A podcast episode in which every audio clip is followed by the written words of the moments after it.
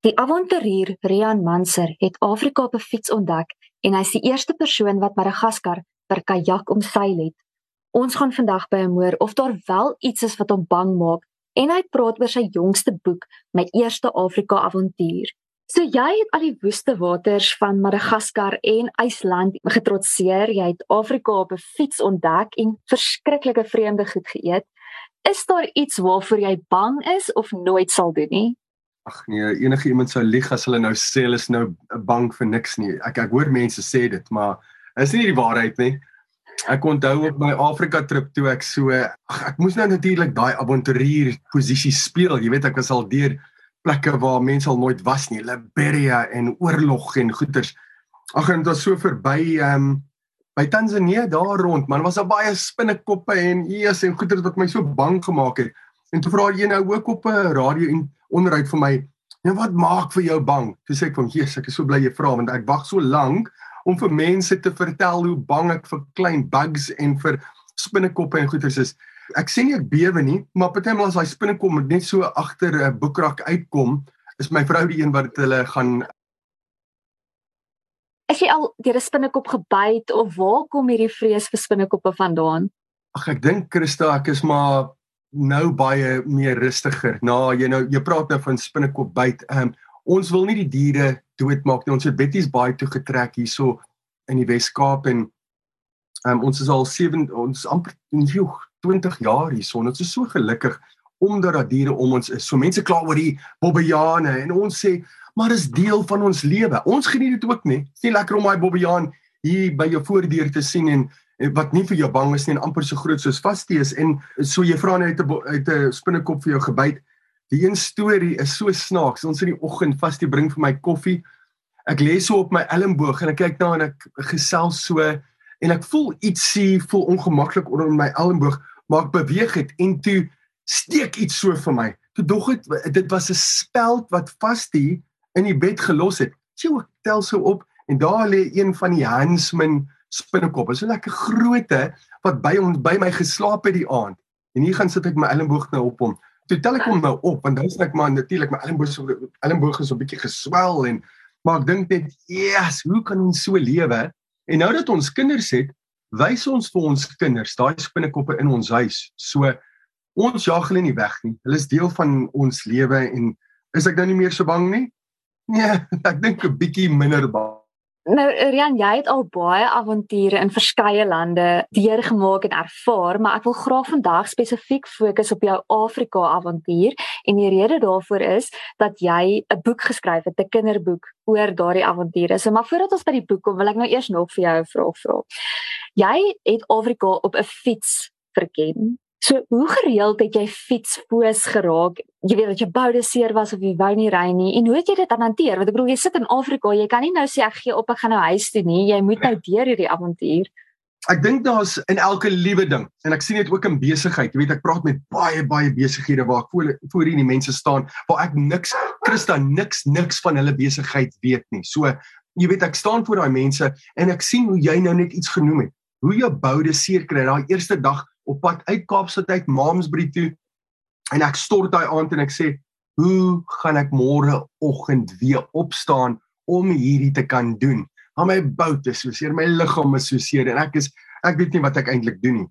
Dit is die lewe dis die storie van die lewe. Ek ek en ek het dit nou natuurlik geleer. So dis maklik nou in hindsight om so terug te kyk en te sê Christa dit is hoe dit werk en hy luister vir my wêreld ek weet waaroor ek praat. Maar die punt is deur hierdie experience het ek nou natuurlik daai les geleer. Ehm um, jou bout raak nie so seer nie. Christa na na die 4de 5de dag van kla, dis 'n klein probleempie, man. Dan begin jy nou kla oor ander goeders. Ek onthou ek het so op my fiets gelê in Algerië. Ek dink ek was net verby Algiers, die hoofstad en ek onthou dit was so 40 grade. Absolutely 40 degrees in daai berge. En ek het so op my fiets so gelê en toe was ek so duiselig en ek het gedink hoe kan ek nou aan eh, aangaan fietsry? Toe sê ek vir myself Jessie gaan net aan Rian. Jy sal hier ook aangewoond raak. So nee Christa ek dink in die in die in die lewe moet mense ook verstaan as jy net kan begin met ietsie en daai vasbeslotenheid het om te sê kom ek gaan nie deurkom. Dag na dag. Mense sê mos wat sê hulle? Dis 21 days 21 dae? Dan's iets 'n gewoonte. Ja, ja, ja. Ek ek volg ek volg nie daai Facebook reels nie, maar ek kan vir jou sê dit sal definitief werk. Dink jy wanneer mense die regte motivering het, dan maak dit ook makliker om uitdagings te hanteer? Dit is die grootste geheim. As jy weet hoekom jy ietsie doen, Ehm um, dis ook ook 'n boodskap wat ek probeer vir my om nou direk vir mense te sê, vir hulle te sê, listen, jy moet jou why hê en ek ek sien baie van hierdie sprekers praat baie daaroor. So wat ek probeer doen is nou net waar jy aan geraak het, is as ek nou vir mense ook sê deur die boek, as ek nou met kinders praat, dan probeer ek vir hulle verduidelik. Jy weet dis dis moeilik vir almal, maar as jy die regte begin, jou hart is reg heel aan die begin. Toe ek daar uitry uit Kaapstad uit op daai fietsstrip toe ek hierdie ou was wat so glimlag en daar uit Kaapstad uit ry, dink mense altyd, want ek staan op 'n verhoog en dan klap mense nou vir my hande en hulle sê, "Ja, wow." Hulle weet nie dat net 5 mense daar gestaan het in daai parkeerarea daarso by die um, waterfront in um, Kaapstad nie, wat vir my gesê het hy luister go for it. En twee van hulle was mense wat daar by die waterfront gewerk het. So ek het nie alles reg gehad nie, maar my houding was reg. Dis net wat ek vir jou wil antwoord. The absolute hammer nail on the head. Jou houding moet reg wees aan die begin van wat jy aanpak. So hierdie fietstoer deur Afrika is in 2005 al voltooi, maar waarom het jy juist nou besluit om 'n boek oor jou ontdekkingsreise spesifiek vir kinders te skryf en waarom is jy opgewonde oor hierdie boek? Man, is 'n lekker storie ook, Christa. Natuurlik was Suid-Afrika, my oorspronklike boek was ongelooflik suksesvol. Jy weet in Suid-Afrika sê ons bestseller en ag, dis 'n ding wat ek sien baie mense gebruik. Hulle is hulle you know, jy gaan op Facebook of Twitter dan sê jy listen my bestseller. Maar bestseller in Suid-Afrika is as jy 1000 kopieë verkoop deur die boekwinkels, you're a rock star. En ek was so verbaas hoe my boek vir die volwassenes so goed gedoen het. Jy weet ons het oor 50000 boeke daar verkoop. Wat in Suid-Afrika, ek het langs ouens, ek het langs by boek events langs regte rockstars gesit. Um ouens soos John van der Riet wat daai um Spud geskryf het. Is goeders gedoen saam met Jack White nou ewe baie daai ding het ek nou gesien hoe hoe finietjie Suid-Afrikaanse publiek is oor boeke koop, jy weet, sal liewes by 'n vriend leen. Jy weet, jy sal nie soos Amerikaners jou eie boek koop nie. But anyway, so dit toe toe was dit maar net eenvoudig. Die storie is so lekker dat ek 'n um, 'n goeie vriend het, Mary Williams. Mary is altyd 'n goeie hy, hy was altyd 'n ondersteuner, maar eerste 'n vriend. Hy het altyd eerlik met my gepraat oor wat ek gedoen het en wat ek aanpak. Maar ek het altyd na hom opgekyk as die beste pa in die wêreld. Ek het so gekyk, ek het ek het regtig ek het nooit vir hom gesê nie. Maar ek het net gedink, "Jesus, eendag wanneer ek kinders het, wow, man, ek wil soos hierdie ou wees, soos Marie." En ehm um, ons ry eendag ek en Vastie, my vrou, ons oefen. Ons was nog nie getroud nie, maar ons oefen vir die Cape Epic en ons ry met hierdie groot heuwel. Eers in Somerset is daar groot heuwels en ons oefen met hierdie een op en af. Ons is op so ons derde een en eers ons sukkel en ons sweet en ons Nou, oh, dit is moeilik, maar ons kyk, kyk so op en hier kom 'n fiets af, man, met spoed en dis 'n ou op so 'n ou postman bicycle. Daar's 'n kindjie voor, 'n meisietjie met haar blonde hare wat so waai en waai in die wind. Jesus, en ek sien nou, "Haai, ek herken vir, dis klein Beth, dis Marie se dogtertjie." Toe sien ek, "Haai, Marie ry die fiets, Marie breek ons stop langs mekaar skree oor die straat." Maar Marie praat nie eers nie. Bethany skree vir my, Christa. Bethany skree. Haar eerste woorde is: "Hoekom skryf jy nie 'n boek vir kinders nie?" Jesus, ek dink nou, Jesus, nou is nou snaakse ding om nou net uit die blokke uit te kom. Toe sê ek vir Bethany, "I promise you I will write a book." Toe sê Marie vir my, "Listen, keep going training. Ek message vir jou." Toe sê ek, "Perfek." 'n Week later, ek en Marie in daai koffie winkeltjie in Somerset West besig om die boek bymekaar te sit. En dit was in die middel van COVID. So Christa, dit is maar die storie en luister, ek moes dit lank terug gedoen het, jy weet. Ehm um, hierdie storie, as jy saam met my kom na een van die skole toe en jy sien wat gebeur met hierdie kinders. Jy weet hulle vertrou vir my. Ek kan met hulle praat oor ernstige boodskappe wat ons in kindertaal gebruik. Dis ongelooflik. Meneer Mandela, en jammer om dit 'n bietjie uit te reik, maar wat ongelooflik is hierso is dat toe ek meneer Mandela, meneer meneer Mandela het my op TV gesien. Toe vra hy nou, ehm um, kan jy vir my kom kuier toe gaan sien ek vir hom daai donderdagoggend gesels ons nou lekker een ding wat hy vir my sê en wat hy in hierdie geskenk wat hy vir my gegee het het hy so geskryf wat jy gedoen het gaan vir die kinders van Afrika inspireer. Ag en Christa, ek sê nou vir mense in in die waarheid het ek eintlik so gesê, ag meneer Mandela weet nie wat hy van praat nie. Ek is ek is 'n wit ou. Ek is ehm um, ek sien die ou wat hierdie boodskap na na kinders in Afrika kan vat nie. Christa, maar die punt is hy eh, meneer Mandela was reg. Ja, ek staan in hierdie skole landwyd en die kinders kan nie die storie glo nie. Hulle kan nie glo dat daai ou, daai held eintlik 'n lewende persoon is nie. So dis maar die die lang storie van hoe dit 'n uh, realiteit geword het. Um, hierdie boek My First African Adventure. Ja, so 'n proses om 'n boek saam te stel. Jy weet dit is 'n langdurige proses en jy moet inhoud verpak en bymekaar maak. So die eerste vraag wat ek het Ek dink ons moet net onthou dat toe jy nou in 2005 op jou fiets deur Afrika gereis het, was dit ander tye as nou. Ek dink jy mense was so in verbinding met die wêreld, jy weet tegnologie wat ontwikkel het en so nie. En die ander ding is jy het waarskynlik nie toe, wel, jy het nie toe daaraan gedink dat jy later jare 'n boek gaan skryf nie. So, het jy nou nog notas of foto's gehad waarop jy kon staat maak of hoe het jy die inhoud bymekaar gemaak? Dit is eintlik ongelooflik. Ek was 2003 op die fiets, so ek het 2005 klaar gemaak. So dit was lank lank tydjie terug, is eintlik 20 jaar, amper tot die dag waar ons nou. Well, well done, Christa. Ehm um, jy is die persoon wat die onderhoud voer met my presies, presies op die dag 20 jaar gelede waar ek uit Kaapstad uit gery het. Ek het nie eens vanoggend geweet nie. So dankie dat jy vir my ehm um, daaraan herinner. Ek was miskien nou al so ek dink so 20 km uit Kaapstad uit hierdie tyd 20 jaar terug geen idee gehad nie. So ek wil eintlik daarop raak. Ehm um, het 'n paar punte nou genoem, maar die eerste punt was wat wat, wat het ek gedink sou ek doen? Presies oor die boek. Geen idee gehad nie.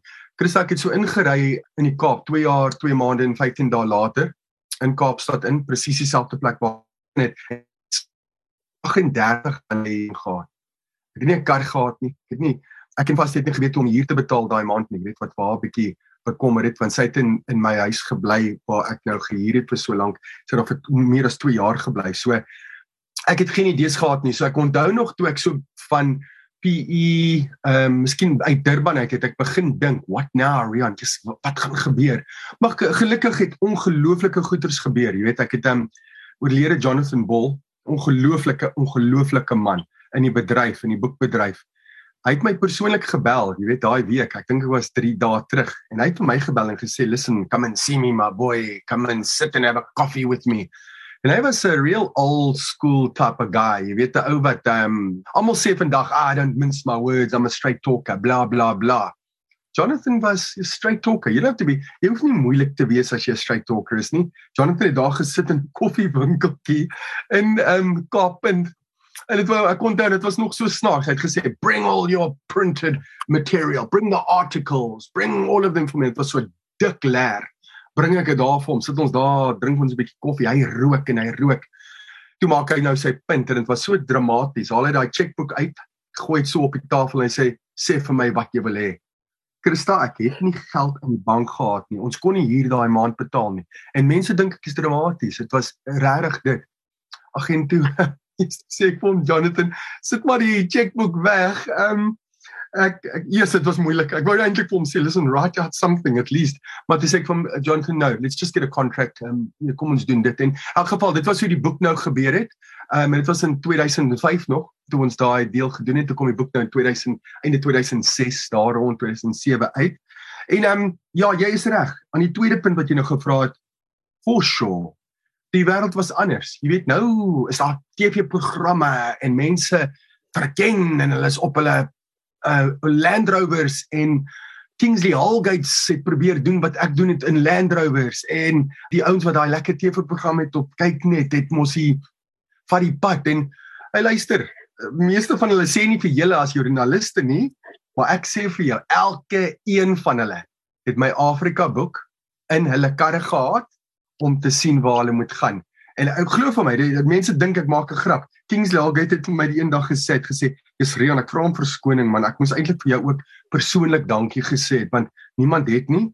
Sy meen ek het dit my so goed laat voel. Hy het gesê, "Ehm um, ons het jou boek so baie gebruik toe gebruik toe ons probeer om die kontinent jou pad volg, jy weet. So, toe maak dit oop en ag jy weet, Christa, you can't be a prophet in your own country. So eendag wanneer ek nou dood is, sal mense terugkyk en sê miskien was Rian daai ou wat nou vir mense gesê het, dis oukei. Okay. Jy kan oor daai grens gaan. Jy kan oorgaan um, verder as Mosambiek se grens of Zambia se grens of um, want mense het nie op in Afrika ingery nie. En nou doen mense dit en nou spa nou nou maak dit my my my baie treurig as ek nou vir mense sien hulle sê vir my oor Jan ek het daai pad van Moyale Marsabit toe gery dan moet ek nou myself so terughou Christa want ek weet toe ek het gery het was dit net hierdie groot klippe en vandag is dit teer. So 'n ander wêreld man. Maar, maar dis dis wat dit interessant maak jy weet. So nee ek is ek dis 'n voorreg ook om nou terug te kyk en wat jy nou noem 2003 Afrika dan Afrika nou. En sjoe die feit is dat vandag die dag is dat ek fisies 20 jaar terug uit uit die Kaap uit gery het. Wow wow wow.